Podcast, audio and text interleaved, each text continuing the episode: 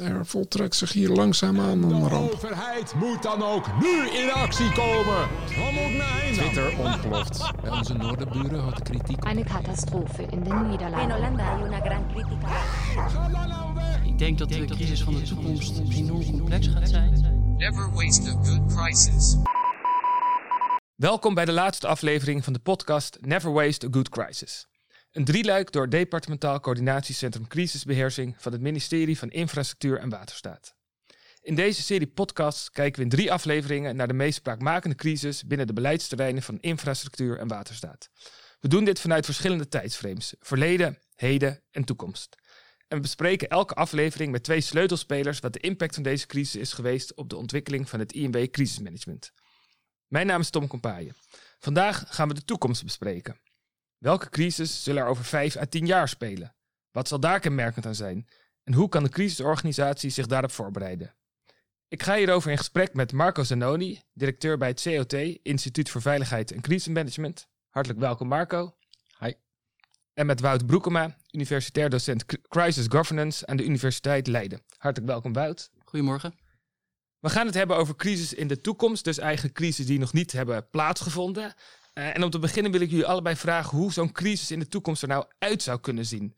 Marco, kan jij een voorbeeld van een crisis in de toekomst schetsen?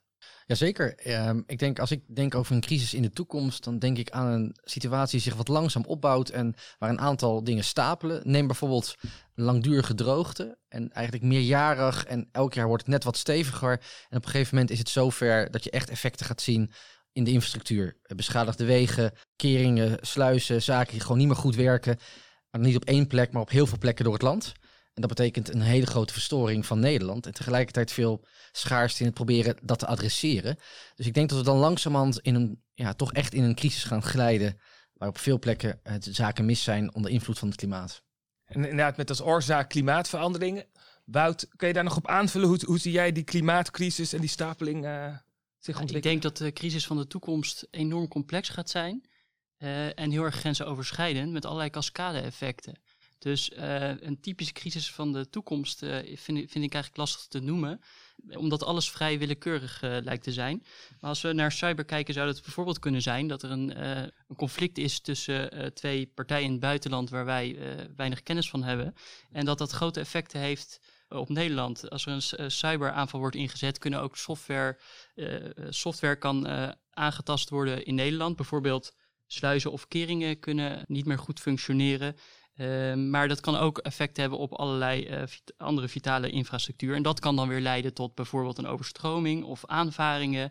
En dat kan weer leiden tot grote maatschappelijke onrust en eh, grote effecten op andere gebieden. Dus ik denk echt heel erg aan die cascade-effecten. Eh, het is niet meer één domein, maar alles heeft met elkaar te maken. Ja, en dat zien we zowel bij klimaat en als bij digitalisering. En die twee crisis, type crisis die jullie nu noemen, zien we inderdaad. Dus eh, het raakt heel veel en het raakt met name ook eh, infrastructuur en waterstaat. Waar we natuurlijk deze podcast vooral over hebben. Nou, we hebben een klein beetje een beeld van hoe zo'n crisis in de toekomst er dan uit zou kunnen zien. En dan gaan we even inzoomen op een aantal thema's. Eh, we hebben een paar thema's uit de vorige podcast gekozen om wat verder uit te werken voor de crisis in de toekomst. En per thema willen we kijken hoe gaat dit zich nu ontwikkelen en wat betekent dat voor het crisismanagement. Eh, het eerste thema is de organisatie van crisis en crisisteams. Eh Wout, kun jij nog even benoemen wat zijn nou de kenmerken van de crisis in de toekomst en hoe gaat die, de organisatie van crisis zich daardoor ontwikkelen, denk jij? Ik denk dat de eh, crisis van de toekomst eh, drie belangrijke aspecten heeft. En die hebben alle drie te maken met die grensoverschrijdendheid waar ik het net over had. In eerste instantie gaat het over territoriale grensoverschrijdendheid. Een crisis is niet meer plaatsgebonden. Hij kan, eh, vindt niet per se plaats binnen één gemeente, regio, maar verschillende gemeenten, regio's, internationaal, et cetera. Tweede aspect, hij overschrijdt beleidsmatige grenzen. Het is niet meer binnen één domein. Het kan eh, economische, politieke, eh, milieueffecten hebben. En ten derde, eh, en dat is een hele interessante, denk ik, gaat het over de temporale eh, grensoverschrijdendheid. Een crisis kan langzaam beginnen, heel langzaam door eh, etteren, hè, de zogenaamde sluimerende crisis, en langzaam uitdoven, maar kan ook snel beginnen, heel snel weer eindigen en dan plotseling weer aanwakkeren. Die dimensie van tijd zorgt dat er heel veel verschillende aspecten bij komen. En de grote vraag die daaruit voortvloeit is: van wie is die crisis dan eigenlijk? Hij is tegelijkertijd van heel veel besturen en gezagen, die allemaal ook een eigen verantwoordelijkheid en bevoegdheden hebben, die soms overlappen. En dat betekent dat je dus met heel veel verschillende organisaties, waar je wellicht nog niet heel erg bekend mee bent, die verschillende uh, grootte hebben, verschillende culturen, verschillende uitgangspunten, verschillende aansturing, moet, zul je moeten samenwerken. Publiek-privaat kunnen individuen zijn, afhankelijk van uh, de crisis die zich voordoet. Dus de crisis, de schaal van de crisis is leidend voor de aanpak. En een grote mate van flexibiliteit is essentieel, denk ik. En wat betekent dat dan voor de organisatie van crisis? Nou, INW um, heeft heel veel uh, verschillende gebieden uh, onder zich. Dus dat betekent dat die crisisorganisatie heel erg uh, moet inzetten op generieke mechanismen, denk ik. En heel erg op flexibiliteit en professionaliteit van de mensen. Dus opleiden, trainen, oefenen, maar ook continu leren. Ook in koude fase um, leren, continu evalueren en weer aanpassen. En dat is heel erg ongemakkelijk, maar echt noodzakelijk om die crisis van de toekomst aan te pak kunnen pakken. Marco, hoe zie jij dat? Nou, ik, sluit me graag aan hè, bij, bij het flexibel moeten zijn. En ik denk, gebruik het woord wendbaar steeds, steeds vaker. Um, en het zit in een aantal zaken. Het zit hem in allereerst heel goed doorhebben wat, er aan wat je aan het overkomen is. Daar kunnen we data voor gebruiken, daar kunnen we alle expertise voor gebruiken om door te hebben dat je in een bepaalde crisis aan het rollen bent, als die sluimerend is of als die acuut is, om zo snel mogelijk met elkaar te diagnosticeren waar zit het hem nou in. En echt vanuit die opgave te denken. Uh, en niet eerst probleem 1 aanpakken, dan ontdekken dat probleem 2 of probleem 3 er ook nog zijn. En dan pas ook die partners zeg maar gaan aanhaken. Dus in een heel vroeg stadium herkennen, onderkennen. Dat betekent parallel je crisisteams uh, organiseren. En dat betekent ook van plannen af durven wijken. En denken, wacht even, wij gaan nu toch die twee teams samenvoegen. Of wij gaan die private partner aan tafel vragen. We gaan expertise mobiliseren. Dus je zult snel moeten kunnen handelen en over grenzen inderdaad van bevoegdheden en verantwoordelijkheden heen moeten gaan. Ja, en dat, dat vergt toch wat anders dan het, uh, dan het nu is nu erg volgtijdelijk. Het is erg onderwerp A, onderwerp B, onderwerp C. Um, of dat is van ons en dat is van, uh, van jullie. Ik denk wel dat wat we nu al rond cyber bijvoorbeeld zien, wat we ook in corona zien, hè, dat er wel degelijk ruimte is om het anders te doen dan in de plannen staat om nieuwe crisisteams te creëren als dat nodig is. Om partijen aan tafel te brengen die normaal helemaal niet aan tafel zitten. Dus ik denk wel dat we voor de crisis in de toekomst nu al wel een beetje begonnen zijn met wat recente ervaringen. En kan je concreet maken, hoe kan je nou beter uh, die diagnose stellen? Dat signaleren van, hé, hey, we zitten in een crisis. Nou, om een diagnose te kunnen stellen heb je per definitie meer nodig dan wat je zelf overziet vanuit één ministerie of vanuit één veiligheidsregio. Dat betekent dat je heel snel anderen moet aanhaken om met je mee te denken. Maar wacht even, wat zien we eigenlijk gebeuren? En vooral, wat, wat betekent dat dan? En waar zit de mogelijke impact op de samenleving? En dan moet je ook nog doorhebben als je denkt, oh wacht even, de impact zit hem op de infrastructuur, zit hem in de mobiliteit. Dat je ook nog door, maar, hebben we dan ook manieren om daarmee om te gaan? Of zien we nu iets ontstaan waar we helemaal geen antwoord op hebben? En als we wel een antwoord hebben, omdat er een plan is, een procedure, uh, extra spullen, extra mensen, hoeveel tijd heeft dat dan nodig? Dus je moet zo vroeg mogelijk meer partijen bij elkaar brengen en eigenlijk ontleden. Waar zitten we in? Wat hebben we nodig? En dat al durven in te zetten, durven alarmeren. En eigenlijk niet wachten tot je, tot je voldoende zekerheid hebt. Dus je moet snelheid maken in antwoord op onzekerheid. Wout, hoe, hoe, zie jij dat ook met het meer flexibel worden? Hoe moeten we dat concreet nu gaan doen de komende vijf à tien jaar om daar te komen? Het vergt denk ik echt een cultuuromslag. ik herken heel erg wat uh, Marco zegt. We, hebben, we zijn de goede weg ingeslagen, maar het moet nog veel verder. Uh, ik denk dat het heel veel begint toch bij, um, uh, bij risico-inventarisatie en om dat echt samen met andere partijen te doen en niet los en vervolgens op elkaar af te stemmen, maar echt samen doen. Dat betekent dat je continu in wisselende netwerken zit en continu, je bent eigenlijk simultaan aan het schaken. Je bent continu uh, dus niet meer aan het denken in de kolommen zozeer, maar meer wat zijn nou de kwetsbaarheden over de kolommen heen en welke organisaties zijn daarvan belang. En dat betekent dat je de ene keer een partner erbij haalt, maar dat je ook moet kunnen zeggen op een gegeven moment, met die partner werken we nu even niet meer samen. Uh, en dat betekent ook dat je uh, samen besluiten gaat nemen en dat echt met, met, met z'n allen gaat doen. En dat betekent dat het soms ongemakkelijk is dat een misschien een private partij uh, soms ergens meer van af weet en dat die een leidende rol kan, uh, kan, kan vervullen. Als ik op mag aansluiten, ja, het klinkt vrij makkelijk hè, als we dat zo zeggen. Snel opschalen, snel andere partijen erbij trekken. Maar dat betekent ook dat je inderdaad aan de voorkant op basis van inzicht risico's arrangementen en mechanismen moet hebben waarin dat kan. En niet op dat moment een discussie gaat krijgen over kosten. Of je dan pas ontdekt dat die capaciteit of die expertise die je zoekt heel schaars is. En die crisis van de toekomst, en, en zover is die toekomst niet, hè, vijf, tot, eh, vijf tot tien jaar. Eh, een echte crisis zal per definitie lang duren, grote maatschappelijke impact hebben en onzeker zijn. Dat betekent dat de wetenschap geen antwoord heeft, dat de modelleringen misschien die we nu hebben niet kloppen. Dus op allerlei vlakken zul je snelheid moeten maken en moeten accepteren dat je, dat je het eigenlijk niet weet. En dat vergt vertrouwen. Dat vergt elkaar laten zien dat je kwetsbaar bent en durft te zijn. En niet, we gaan het eerst helemaal uitzoeken. En dan weet het zeker. En nou mag partij B aansluiten, want anders hoort hij dat we het ook niet weten, zeg maar. Dus daar zitten wel wat cultuuraspecten in. Maar je kunt wel voorbereiden. Je kunt vanuit die risicoanalyse kijken, nou, als we terug naar de voorbeelden gaan, hè, klimaat en cyber, of eigenlijk een brede eh, digitale disruptie. Wie hebben we dan nodig? En hoe bereiken we diegene dan? Zullen we eens met die partijen aan tafel? Wat kunnen ze eigenlijk? Ehm, aan de klimaatkant of de beschadigde infrastructuur, hoeveel capaciteit hebben we? Kunnen we nou als Rijkswaterstaat een heel privaat leger mobiliseren? Kunnen we dan samen prioriteren of moeten we dan massaal gaan aanbesteden ehm, en allerlei procedures door? Of kunnen wij een soort landelijke, bijna verdringingsreeks maken voor herstel van, van infrastructuur? Nou, het zijn dat soort zaken die, je, die eigenlijk wel vrij voorspelbaar zijn dat ze een keer gaan spelen. En die je voor kunt bereiden en waar je ook spelregels voor kunt afspreken. En dat is toch wat anders dan de wat meer eh, procesgestuurde manier van naar crisismanagement kijken, waar het over rollen gaat, waar het over wie informeert wie gaat. Voor crisis in de toekomst vergt het weten wie je moet hebben. Het vergt kennis van de inhoud. Het vergt dat je de belangrijkste beslissingen eigenlijk ook kunt uittekenen. Maar dat je ook letterlijk weet hoeveel capaciteit heb ik en waar kan ik die nog krijgen. Jullie noemden net al expertise. eh, ook eh, uit de vorige twee podcasts hebben we het veel over experts gehad. Nou, voordat ik daarover over wil gaan hebben wat die in de toekomst eh, voor rol kregen, die experts, is misschien goed om eerst even te definiëren wat verstaan we onder een expert. Wout, wat is een expert voor jou?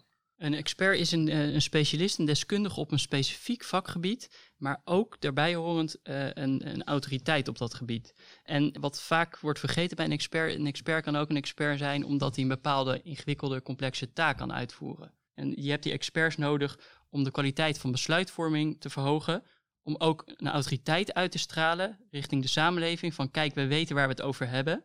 Bijvoorbeeld als het gaat om, eh, om wateroverlast, dan kan het zijn dat Rijkswaterstaat de expert is en die zegt ik adviseer om nu niet te evacueren. En dan kan het prima zijn dat een bestuurder zegt we gaan toch evacueren. De bestuurder moet het volledige overzicht hebben. Want eigenlijk is het, dat blijkt uit mijn eigen onderzoek naar de rol van experts tijdens crisis, is dat je ook heel veel extra meningen en visies binnenhaalt, wat het ook moeilijker kan maken om tot een onderbouwd besluit te komen. Ja, en er is natuurlijk ook een legitimiteit van de bestuurder die, die belangrijk is. De bestuurder legt toch uh, grotendeels verantwoording af. Hè? Het is niet altijd zo, maar soms kan je ook niet uh, om die expert heen en zul je moeten samenwerken. Maar dan is het heel belangrijk om te bepalen van oké, wanneer komt die expert in het crisisteam, in de crisisorganisatie en bij welke besluiten hebben we die expert ook niet nodig. Want je krijgt natuurlijk wel vragen als welke data kunnen we met zo'n expert delen? Als die expert zich bevindt in de private sector, dan kan het best zijn dat hij niet overal uh, aanwezig kan zijn. Experts worden steeds belangrijker. En Marco, die experts, hoe organiseer je die dan? Zet je al die experts van allemaal verschillende disciplines bij elkaar? Of moet je die apart houden? Zet je ze in het crisisteam of erbuiten, zoals je bij het OMT nu uh, ziet? Ik denk al, allereerst, uh, um, als je naar de toekomst kijkt, uh, is echt wel een mooie vraag welke expertise vergt dat überhaupt? Zijn dat al experts die op een of andere manier verenigd zijn? Kun je die mobiliseren? Hoe schaars is die expertise eigenlijk? Uh, bij cyber zagen we het ook in de, de Isidor-oefening bijvoorbeeld al. Daar weten we bij een hele grote cyberaanval die uh, veel sectoren in Nederland treft. Um, met mogelijk fysieke effecten, dus anders dan bijvoorbeeld de Citrix-ervaring, waar de impact nog beperkt was. Dan weten we dat, dat, dat Nederland uitverkocht is met, met zo'n 300, uh, volgens mij, security experts. Dat is lang niet genoeg. Dus daar kan je nu over nadenken. Dat geldt misschien op andere vlakken ook. Dat je al snel weet dat er onvoldoende expertise is. Dat kan dus ook in de uitvoering zitten. De specialist die een bepaalde taak kan. Dat is net zo belangrijk. Dat speelt bijvoorbeeld bij de waterschappen. Als je handmatig zaken moet gaan doen die normaal zeg maar, digitaal worden aangestuurd. Dan zijn er nog heel weinig mensen die dat überhaupt kunnen.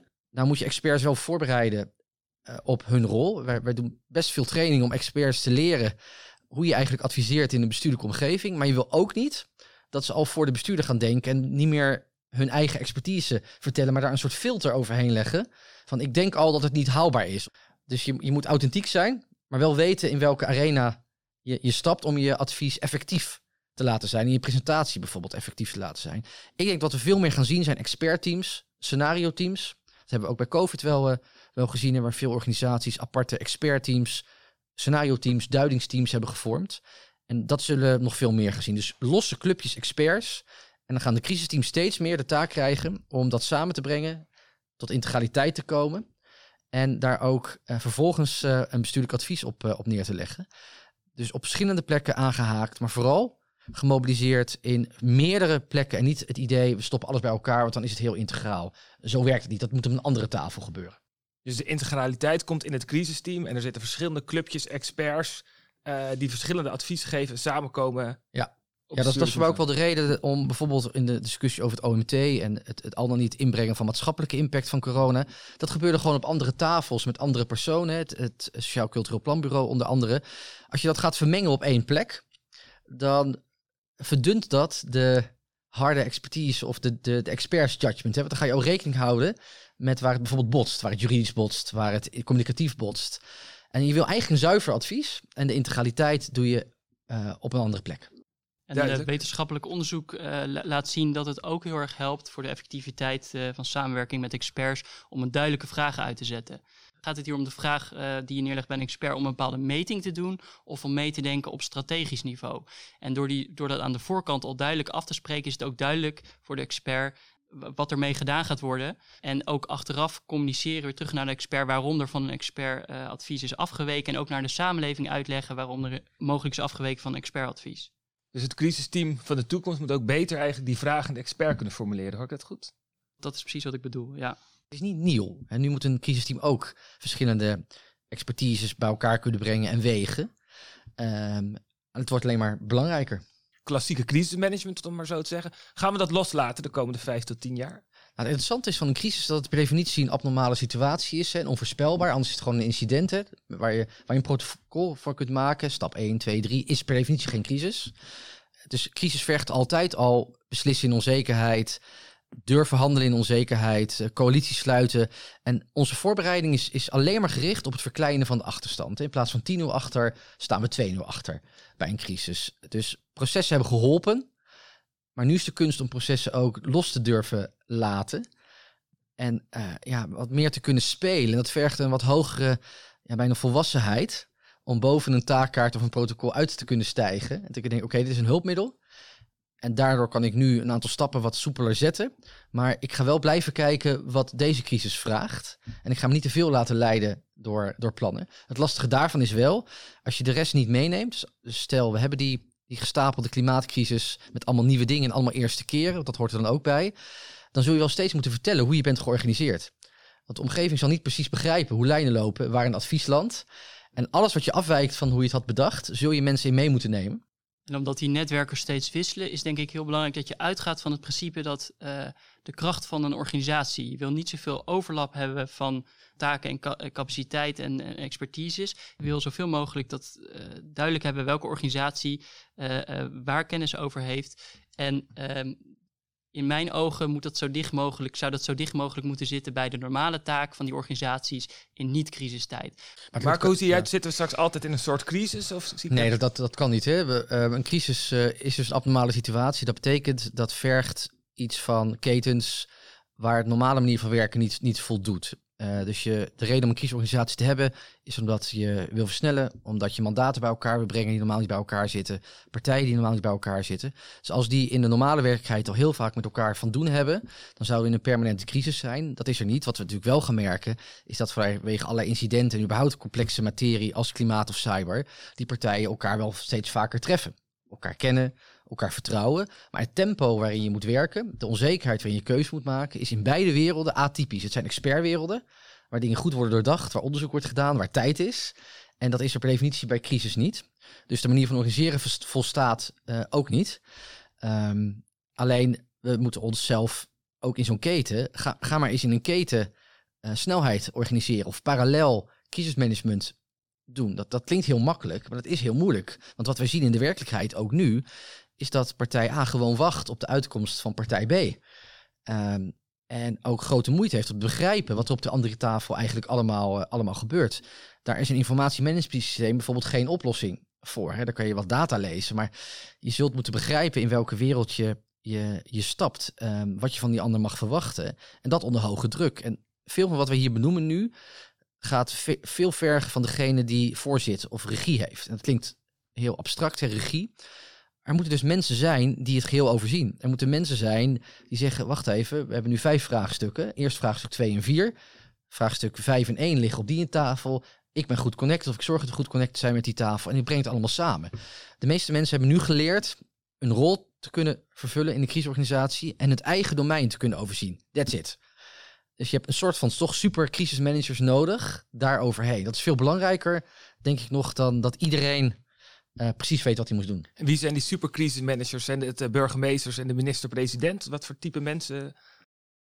Het, het zijn denk ik eh, mensen daaromheen die vanuit een, een, een managerial rol, een, echt een crisismanagerrol. Er zijn nu soms mensen die zichzelf crisismanager noemen en dan, dan, dan betekent dat vooral dat je een rol hebt in de opschaling of zo. Terwijl een crisismanager moet echt het veld overzien, de dynamiek overzien, durven bijsturen, mandaat hebben. En tegelijkertijd weten wanneer, die, wanneer hij of zij naar degene toe moet om een beslissing te halen. Een heel ander thema, scenario denken. Natuurlijk altijd een belangrijk onderdeel van crisisteams. Jullie noemden net ook al, die expertsteams moeten ook eh, scenario-teams eh, misschien wel eh, zijn. Hoe gaat het scenario denken in de toekomst eh, uitzien, Marco? Als we naar de toekomst kijken en we hebben het over die complexiteiten, dan wel die gestapelde problematiek rond klimaat, dan wel die, die digitale disruptie, dan weten we één ding zeker, de, de klassieke modellering gaat niet voldoende bieden. Dus je moet ad hoc gaan bedenken, hoe gaan wij toch een scenario bouwen, terwijl we het eigenlijk niet weten. Dus dat is een deel klassieke kennis benutten, die experts. Dat betekent proberen door in te schatten, wat kan er technisch gezien allemaal gebeuren. Dat betekent dat je vooral maatschappelijk moet gaan kijken, waar kan de mogelijke maatschappelijke impact zitten. Het zal meer nog een combinatie zijn van data en daarbij toch menselijke inschattingen en durven beslissen in, in, in onzekerheid. Ehm, dus het gaat wel helpen met elkaar te kijken, wacht even, wat is nou een, een format of een soort type scenario wat ons in dat soort omstandigheden gaat helpen? Welke experts zitten dan bij elkaar? En dat betekent ook voor experts in hele korte tijd durven adviseren en durven zeggen, dit lijkt ons het meest waarschijnlijke scenario of deze vier componenten zijn dynamisch. Daaromheen zien we een aantal sleutelbesluiten. Daaromheen zien we een aantal grote uitdagingen. Daar moeten jullie mee aan de slag. En dat is een andere manier dan scenario denken nu, wat toch vaak hele uitwerkingen zijn, vrij diep. Met allemaal berekeningen. Maar die weinig houvast bieden in, eh, in tijden van onzekerheid. Eh, nog één vraag, want jij noemt net ook data, eh, Marco. Zit straks in elk crisisteam een data-analyst en gaan we met allemaal met dashboards werken? Ik denk dat er zeker een soort datateams zullen zijn, die ook die scenario's voeden. Ik weet niet of er een dataspecialist in het crisisteam zou moeten zitten. Dat kan op momenten helpen om, om zaken te duiden. Maar het kan ook wat afleiden van de wat meer, in mijn ogen, ehm, wat ethische discussies en de weging van belangen. En die moet je eigenlijk niet eh, afleiden met, eh, met, met data, maar die moet je wel aan de voorkant eh, hebben, hebben kunnen meenemen. Marco noemde net de maatschappelijke component. Eh, dat is een mooi bruggetje ook naar hoe, hoe ziet die maatschappelijke component er nou uit en wat is nou de rol van het, de bevolking. Eh, Wout, wat voor ontwikkelingen kunnen we verwachten op het gebied van zelfredzaamheid? Ja, het- we leven al lang niet meer in een samenleving waar de eh, overheid verantwoordelijk is voor de volledige eh, veiligheid van burgers. Van de hele maatschappij wordt verwacht dat die ook bijdraagt aan de weerbaarheid. Eh, en burgers spelen daar een hele belangrijke rol in. En eh, ik, eh, ik eh, merk wel eens op dat het niet volledig serieus genomen wordt, want ik vind het een ontzettend belangrijk thema. Eh, zelfredzaamheid bestaat eigenlijk uit twee componenten. Je hebt de zelfredzaamheid van de burger tijdens een crisis waarin de burger allerlei burgerinitiatieven opzet. De burger van tegenwoordig wil graag meehelpen aan de respons op een crisis. En dat moet dan ook in goede banen geleid worden door de overheid. Die heeft daar een rol in. Hè. Als we bijvoorbeeld kijken naar de wateroverlast eh, in Limburg kort geleden, dan zie je dat daar allerlei afval, ehm, eh, eh, koelkasten in de uiterwaarden ligt. En burgers gaan dat dan, die mobiliseren zichzelf en die, die gaan het initiatief nemen om dat op te ruimen. Maar dat is heel erg mooi. De burger, er is vaak heel veel expertise bij de burger, heel veel kennis, maar ook heel veel capaciteit natuurlijk. En de burger bevindt zich vaak dicht bij de, eh, bij de locatie van een, eh, van een mogelijk incident. Tegelijkertijd is dat niet risicoloos om dit te gaan opruimen. Er kan van alles misgaan. Dus de overheid heeft nog wel de verantwoordelijkheid om dat dus echt te, dus niet te organiseren, maar goed te, te coördineren. En we hebben ook zelfredzaamheid als het gaat om preventie en preparatie. Jaarlijks worden ontzettend veel mensen gered door de inzet van burgers. Dus het is heel belangrijk dat hier uh, op wordt ingezet in de toekomst. Het zal alleen nog maar belangrijker worden. En wat betekent dat voor de crisisorganisatie concreet? En wat moeten we nou doen om te zorgen dat we eigenlijk die zelfredzaamheid uh, en die initiatieven beter kunnen coördineren? Eh, Vaak zie je dat een initiatief vanuit de burger zelf komt en dat vervolgens expertise en, en financiële middelen door de overheid worden, eh, worden teruggegeven. Dus het is echt een soort van co-creatie vaak. Het initiatief kan zowel bij de burger liggen als bij de, bij de crisisorganisatie. Wij deden op den duur eh, met Groningen samen de driedaagse aardbevingsoefening. Toen hebben we voor het eerst ook burgers betrokken bij die oefening ter voorbereiding. En ook gewoon gevraagd, als dit het scenario is, wat ga je dan eigenlijk doen? Ehm, en toen bleek er heel veel behoefte aan letterlijk burgercoördinatie. Dus ook iemand in het dorp of de dorpskern die dan een soort leidende eh, rol had. Maar zeiden ook, ja, maar deze spullen hebben wij zelf. We hebben vrachtwagens, we hebben vorkheftrucks, we, hebben, we gaan een aantal dingen zelf doen. Maar een aantal dingen kunnen we helemaal niet. We hebben die overheid nodig of we hebben informatie nodig van die, van die overheid. Ehm, bij terrorisme en bij andere zaken zie je, dat, eh, zie je dat ook. We zagen bij de vuurwerkramp in Enschede met de pizzacouriers die briefjes bezorgden. Tussen de crisisteams zelfs, taxichauffeurs die slachtoffers eh, vervoerden. En dat zie je eigenlijk altijd wel. Dus je weet als crisisorganisatie dat je moet nadenken hoe ga je burgerhulp eigenlijk faciliteren. Dat is een grote klus. Ik denk ook bij de MSOI is dat ook denk ik wel gebleken. Maar je kunt in je preparatie nadenken over die, die twee voorbeelden die we ook noemden hè, voor, de, voor de toekomst. Ehm, als je het om zou draaien en zeggen, wacht even, wat kan de burger zelf? En we weten nu dat de overheid overmand zou zijn. We weten al dat er niet genoeg capaciteit is. Dus wat, zouden, wat blijft dan eigenlijk over? Wat is een soort nullijn? Wat moet de overheid in ieder geval doen? In plaats van, wat kunnen wij? Dus inderdaad meer eh, scherp krijgen van wat kunnen zij niet en vooral daarop gaan richten als eh, overheid en als Ja, crisisorganisatie. en, en gewoon betrekken. Dus eh, bij de volgende grote oefening, mooi burgerpanel, burgers gewoon mee laten doen. En gewoon eens ontdekken wat ze eigenlijk verwachten of wat ze eigenlijk gaan doen. Dan zijn burgers ook altijd heel actief op social media, weten we. Wat voor ontwikkelingen verwacht je wat betreft social media? Ik denk dat social media belangrijk is ehm, in, in, in de crisistype waar we het over hebben. Hoe bereiken we mensen en via wie bereiken we mensen? En bereiken we de mensen wel die we nodig hebben? Als je een deel van de oudere bevolking wil bereiken, is dat niet Twitter. Ik verwacht heel veel bewuste desinformatie, maar ook onbewuste desinformatie. Heel veel geruchten die de onrust alleen maar vergroten. Dus daar zul je toch op de een of andere manier moeten richten van hoe, wat, wat zetten we daar tegenover? Eh, de politie doet daar bijvoorbeeld trainingen over veiligheidsregio's bijvoorbeeld nog, eh, nog niet. Ik weet niet of ministeries dat doen. Hoe ga je om met, eh, met, eh, eh, eh, met fake news? Ehm, en ik maak me wel zorgen om de deepfakes. Ik maak me zorgen om nepfilmpjes waarin de overheid zogenaamd... of eigenlijk wordt nagedaan met bepaalde boodschappen. En ik verwacht dat alleen maar gaat toenemen. Zeker in combinatie met geopolitieke dreigingen. En landen die momenten van chaos alleen maar willen, willen vergroten. En we zien steeds meer fake slachtoffers en fake crowdfundingsacties bijvoorbeeld. Hè. Als er nu een ramp in Amerika gebeurt, weet je dat er binnen een uur een fake crowdfunding rapportage is met fake slachtoffers. We hebben dus st- steeds meer data, steeds meer betrouwbare data, maar ook steeds meer onbetrouwbare data. Dus echt een overload. En we hebben het nu gehad over data hè, en besluiten, maar eigenlijk zit er nog een hele belangrijke stap tussen van sensemaking. Ik denk dat dat steeds belangrijker gaat worden. Dat we echt, de crisisorganisatie moet echt mensen opleiden die specifiek eh, ge- gericht zijn op het destilleren van, van betekenisvolle data uit die enorme grote stroom die maar blijft binnenkomen. En wat is nou van belang en wat hebben we nou nodig voor, eh, om die besluiten op een eh, hoog niveau te kunnen, eh, eh, kwalitatief hoog niveau te kunnen nemen? En wat voor mensen bedoel je dan die die data moeten duiden? Wat voor soort functies zijn dat?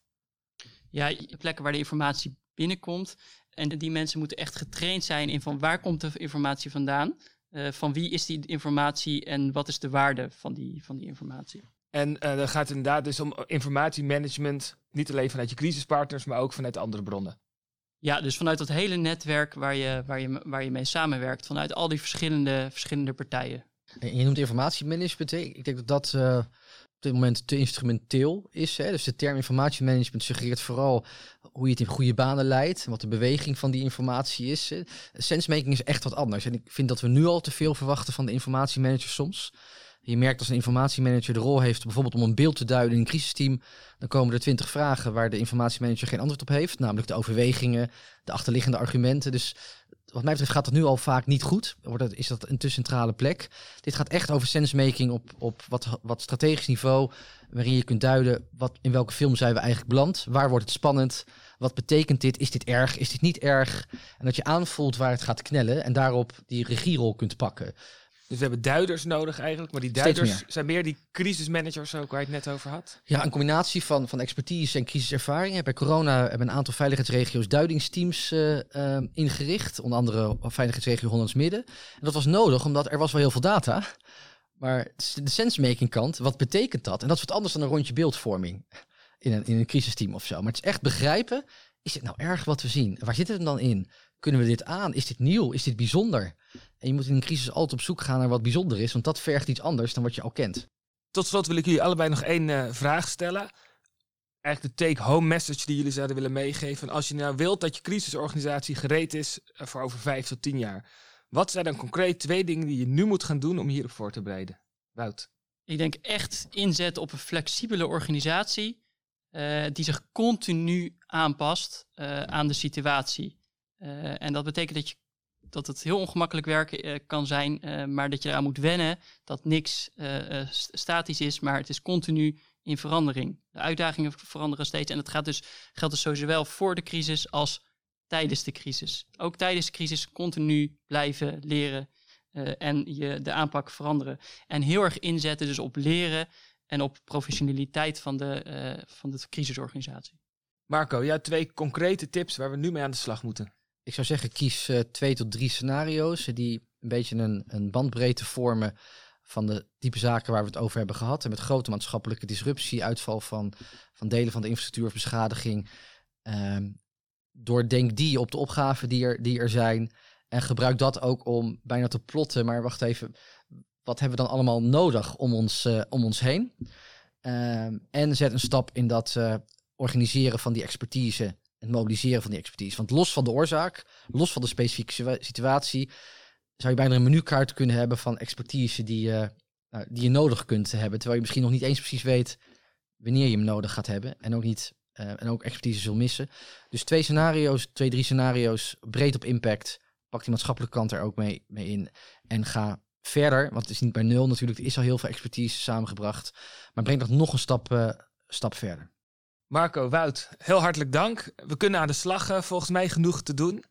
Dit was het eh, laatste deel in het drieluik Never Waste a Good Crisis van DCC INW. In de afgelopen weken hebben we een inkijkje gegeven in het verleden, heden en de toekomst van crisismanagement eh, bij het ministerie van Infrastructuur en Waterstaat.